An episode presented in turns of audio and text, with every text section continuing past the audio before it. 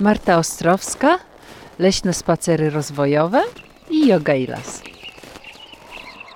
Ten las jest pozostałością Puszczy Mazowieckiej, która była na tych terenach i tak no jakby jeśli chodzi o ciągłość obszaru leśnego, to jest to bardzo stary las. Zresztą to tu widać, bo od lat 70. nie są wywożone martwe drzewa stąd. To jest rezerwat. Wchodzimy do lasu. Od czego powinniśmy zacząć nasze świadome spacerowanie po lesie? Czy już możemy używać sformułowania kąpiel leśna?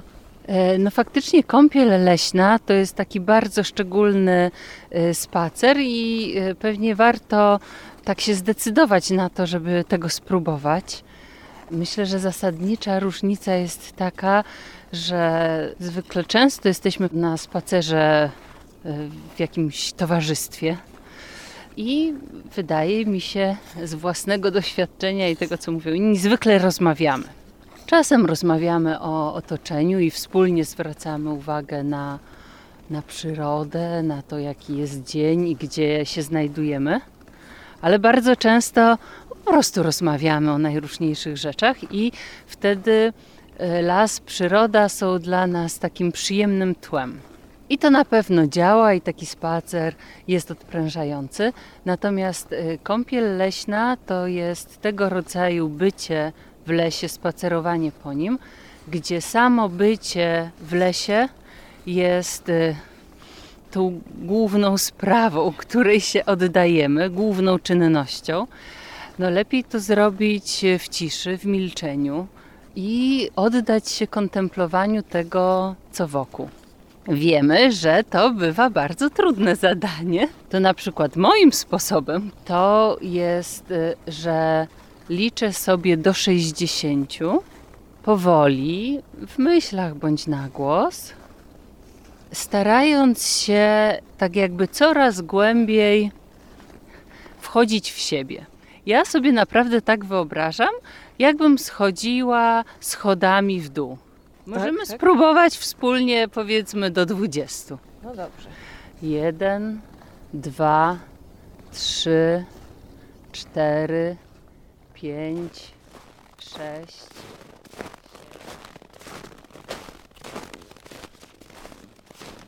siedemnaście, osiemnaście, dziewiętnaście, dwadzieścia.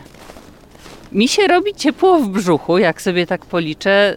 Nasze różnego rodzaju myśli, sprawy, to co nas zaprząta, dostają taki sygnał, że teraz dziękujemy, zajmujemy się czym innym.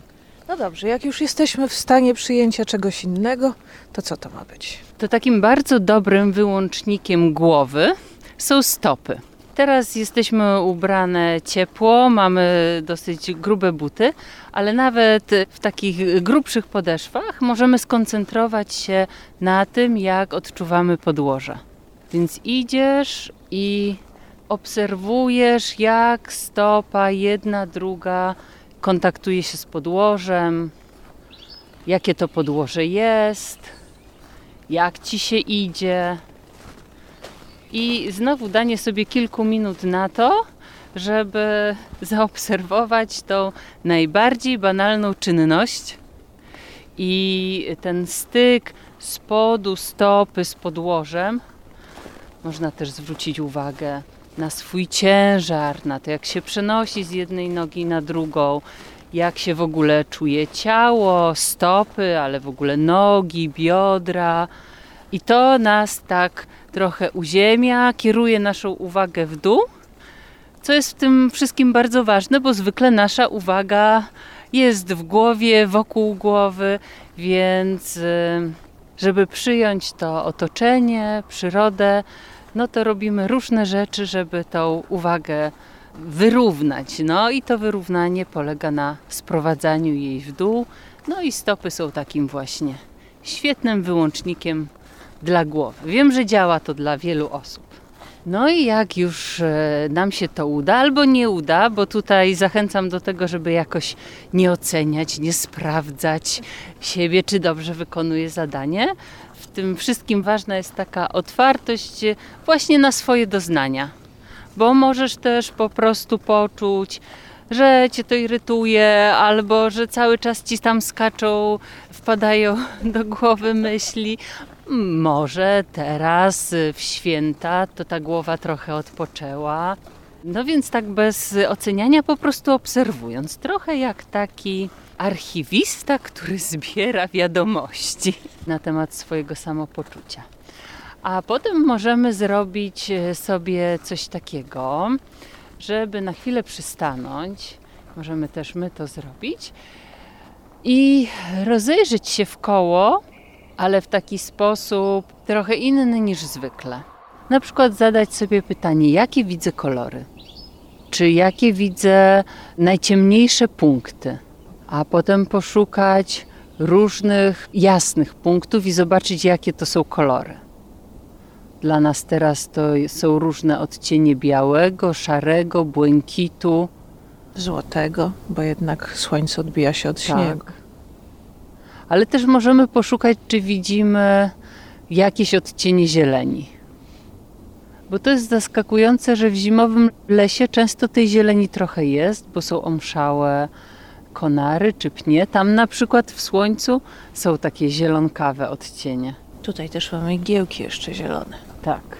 Można też zrobić coś takiego, żeby wyciągnąć ręce przed siebie i popatrzeć tak jakby między swoje dłonie. Czyli skoncentrować to jest taki typowy dla nas sposób patrzenia, kiedy jesteśmy skoncentrowani, sfokusowani na jakimś szczególe. A potem spróbujcie sobie powoli rozszerzać dłonie w bok, bardzo powoli. Będziecie cały czas w polu widzenia mieć swoje dłonie, ale żeby mieć je w polu widzenia, to wzrok trzeba tak trochę rozmaślić, tak trochę właśnie rozluźnić. I jak będziecie rozsuwać powoli dłonie na zewnątrz, to będzie taki moment, kiedy one będą już niknęły z pola horyzontu. Można sprawdzić w ten sposób, jak szeroko się widzi i też wprowadzić oczy w taki y, stan patrzenia y, szeroko, tak właśnie niekonkretnie. I co jest ciekawe, to jest ten rodzaj patrzenia też zmienia stan naszego umysłu. Sprawia, że no, robimy się tacy bardziej uważni szeroko, mówiąc może trochę metaforycznie. To też, podobnie jak y, z tym liczeniem, czy z uważnością na kontakt stóp z podłożem, ten rodzaj patrzenia też nam pomaga wejść w taki stan relaksu. U nas to się nazywało wzrok WF-isty. A, może nie, nie pamiętam. Że patrzę na ciebie w dwuszeregu, ale widzę, kto po lewej stronie coś robi. Tak, tak, tak. To może być wzrok WF-isty, no. To może być wzrok, też nieraz sobie tak wyobrażamy, będąc w lesie, będąc z grupą, wyobrażamy sobie, że jesteśmy zwierzętami drapieżniki patrzą w taki sfokusowany sposób bardziej, a te, które mogą paść ich ofiarą, mają właśnie taką umiejętność widzenia bardzo szeroko i takiej uważności na to, co się dzieje po bokach. Możemy też zrobić e, coś takiego, żeby na moment zamknąć sobie oczy, stanąć w jakimś wygodnym miejscu, możemy się oprzeć o drzewo i na chwilę zamknąć oczy i posłuchać dźwięków, usłyszeć własny oddech, ale znowu w taki nieoceniający sposób, ponieważ oddech ma to do siebie, że jest trochę jak takie płochliwe zwierzątko. Kiedy słyszymy komendę, zaproszenie, by skoncentrować się na oddechu, to można się tak bezwiednie spiąć. Oddech może się wydać taki niewygodny. Możemy być spokojni, na pewno umiemy dobrze oddychać. Skoro żyjemy, to znaczy, że oddychamy i robimy to wystarczająco dobrze. Chodzi o to, żeby zwrócić uwagę na to, co jest, co nasz organizm robi cały czas dla nas. I my nie musimy poświęcać temu uwagi, robimy to bezwiednie ale dzięki temu, że to się dzieje, możemy zajmować się tak wieloma innymi rzeczami, które nas absorbują. A tutaj, właśnie na łonie natury, wracamy do tego, co w nas jest i się temu przyglądamy. Więc możemy oprzeć się o drzewo, zamknąć oczy i posłuchać, jak nam się oddycha. I potem poddychać troszkę głębiej, posmakować, można sprawdzić, czy bardziej jakoś przyjemny jest wdech czy wydech, bo czasem to jest wyraźne. Również zimą oddychanie takie głębsze w lesie to jest jak picie jakiegoś takiego zdrowego koktajlu. Dlatego, że w powietrzu, w lesie y, jest dużo substancji, które pozytywnie na nas wpływają. Japończycy, którzy w latach 80. No, ukuli to sformułowanie kąpiele leśne, podeszli do sprawy bardzo metodycznie, drążyli temat, dlaczego las robi nam tak dobrze. Są takie dwie substancje główne, które właśnie wpływają na nasz organizm, na układ nerwowy, na układ krążenia, na układ odpornościowy. I to są substancje lotne, które wytwarzają drzewa, fitoncydy, czyli takie olejki eteryczne, Drzewa y, liściaste zimą wytwarzają ich dużo mniej, natomiast drzewa iglaste są aktywne, bardzo aktywne przez cały rok. Drugą taką, która może dzisiaj, kiedy jest śnieg, jest mniej aktywna, to jest taka bakteria obecna w glebie, która też unosi się w powietrzu, wszędzie tam, gdzie mamy odkrytą glebę.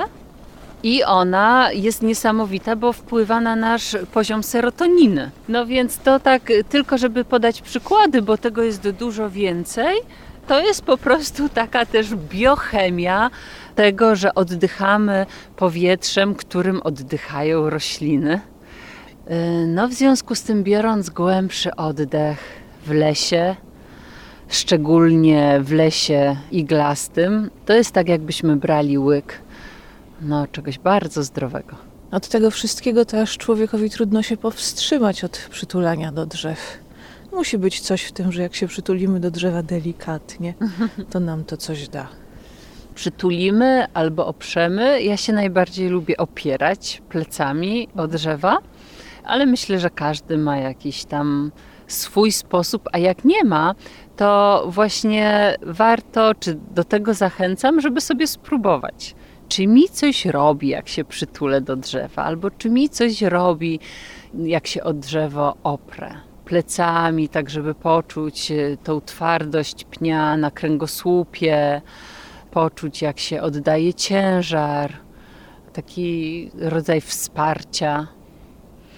Można sobie wyobrazić, jakie te drzewo, o które się opieramy, jakie ma korzenie, jak mocno jest osadzone w ziemi, oddać mu jakieś swoje troski, albo pomyśleć sobie w takim momencie o jakimś swoim życzeniu noworocznym czy tym świątecznym i pomyśleć o tych konarach wyciągniętych do nieba i jakoś tam to marzenie w kosmos wysłać z tymi konarami.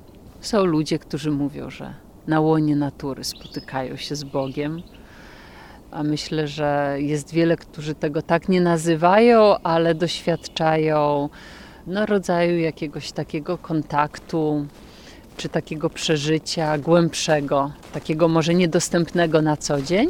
Zakładam, że niektórzy powiedzą, e, takie chodzenie po lesie to ja uprawiam od 60 lat, nie jest mi potrzebny naukowiec do nazywania takich rzeczy.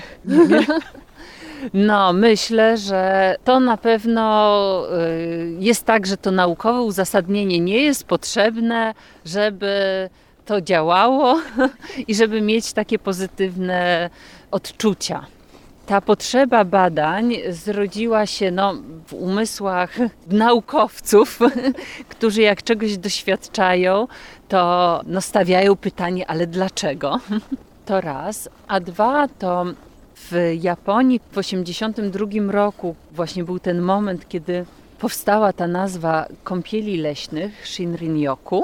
I myślę, że te badania naukowe miały też takie uzasadnienie, by uzyskać jakąś taką twardą podwalinę pod y, szeroko zakrojony program, no, który przecież wiązał się z ogromnymi wydatkami, bo Japończycy wprowadzili wtedy kąpiele leśne jako element profilaktyki zdrowotnej po prostu w kraju. E, odgórnie przez ministerstwo. E, Japonia jako kraj e, bardzo no, zurbanizowany i rozwinięty, szybko zaczęła odczuwać, zauważać no, takie negatywne skutki zawrotnego tempa pracy i no, obserwowali zatrważające statystyki dotyczące wypalenia, no i tych wszystkich y, chorób, które są związane z przeciążeniem, silnym stresem przewlekłym. No i szukali sposobów i zwrócili się do tego, co też mają w ogromnej obfitości, czyli natury. Zależało im, żeby sprawdzić, jak to działa, na jaką skalę i dlaczego. No, są takie zdjęcia prześmieszne, szczególnie dla kogoś, kto chodzi od zawsze po lesie, y, naukowców w białych fartuchach, zbierających pomiary od człowieka wyruszającego na kąpiel leśną i powracającego. No ale faktycznie te pomiary potwierdziły, że to działa już pierwsze 20 minut y, robi różnicę, a odpowiednio dłużej, mocniej i, i takie powtarzanie takich skupionych, zrelaksowanych, powolnych spacerów po lesie no, oddziaływuje na zdrowie. Ale nie ma złej pory roku do spacerowania po lesie. No ja wyznaję skandynawską zasadę, że nie ma złej pogody, tylko zły ubiór. I wspólnie z Adamem Markuszewskim prowadzimy leśne kąpiele o różnych porach roku. Jak kąpiemy się w lesie, metaforycznie kąpiemy się w lesie latem, to chodzimy wtedy bardzo powoli. Zimą to jest y, zdecydowanie bardziej energiczne. Ale minimum 20 minut. No minimum 20 minut, a no jak y, prowadzimy nasze zorganizowane kąpiele leśne, to zwykle latem trwają 3,5 godziny zimą dwie i robimy różnie. Czasem jest więcej y, rozmów i takiej wymiany doświadczeń w trakcie, a czasem są to wręcz takie no, leśne medytacje, gdzie idzie się niemal w zupełnej ciszy. No i myślę, że każdy ma swój urok. Właśnie jak prowadzimy kąpiele leśne, to zawsze to jest ważny moment takiego domknięcia, jakiegoś podsumowania, tak fachowo mówi się zintegrowania. To w wielu rodzajach praktyk mówi się o integrowaniu, czyli żeby tak na końcu zatrzymać się, połączyć to, czego się doświadczyło.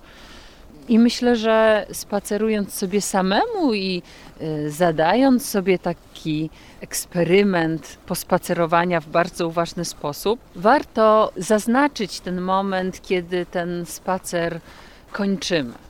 I pewnie można to zrobić na różne sposoby. E, ja bym proponowała zatrzymać się, bo zawsze to jest trochę inna energia, jak idziemy, a jak się zatrzymamy. E, jeszcze parę razy usłyszeć kilka swoich oddechów, sprawdzić, jaki ten oddech jest teraz, rozejrzeć się może w taki trochę sposób, y, zapisując w pamięci ten obraz, y, ten stan, może też zabierając ze sobą jakąś myśl, która do nas przyszła w trakcie tego spaceru, a może jakieś właśnie życzenie, które w trakcie tego spaceru czy się pojawiło, czy jakoś zaznaczyliśmy sobie. Można sobie jakoś w duchu podziękować za ten czas, podziękować lasowi. No myślę, że to. Ale na pewno zrobić sobie taką pauzę, no i tak świadomie ruszyć z powrotem. Te pauzy są ważne.